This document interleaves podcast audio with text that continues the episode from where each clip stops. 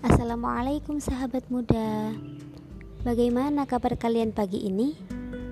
Aku harap kalian semua selalu berada dalam lindungannya Ngomong-ngomong nih Apakah kalian selalu berada dalam kemudahan hingga saat ini? Pastinya tidak kan?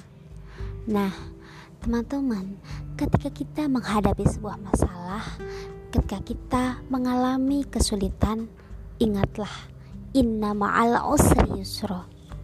Sungguh pada setiap kesulitan akan datang bejibun kemudahan. Dan yakinlah bahwa di balik setiap kesulitan pasti ada kemudahan yang begitu dekat. Datang menyapa beriring dengan beratnya ujian dan cobaan. Allah akan memberikan kelapangan sesudah berlalunya kesempitan. Kemudahan itu akan terus mengikuti kesulitan dalam setiap keadaan yang sulit dan tak terbayangkan.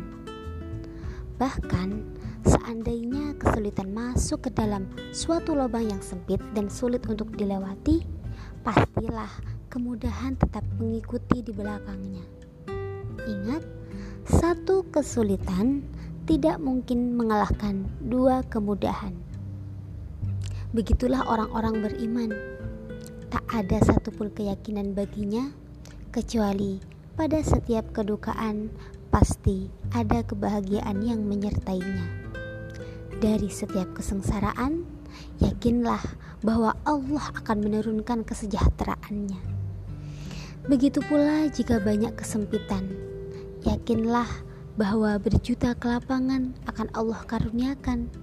Pada tiap-tiap satu dari kesulitan mustahil mampu mengalahkan dua kemudahan. Karena mudah itulah yang Allah janjikan untuk dianugerahkan kepada kita. Kini beribu kesulitan di hadapan kamu. Yakinlah bahwa berjuta kemudahan mulai berantrian akan datang. Mengisi kesulitan mengikis kesulitan demi kesulitan. Dan janji Allah itu pasti, tak mungkin ia akan menyelisihi. Sahabat muda sekalian, bersabarlah yang baik, maka niscaya kelapangan itu begitu dekat.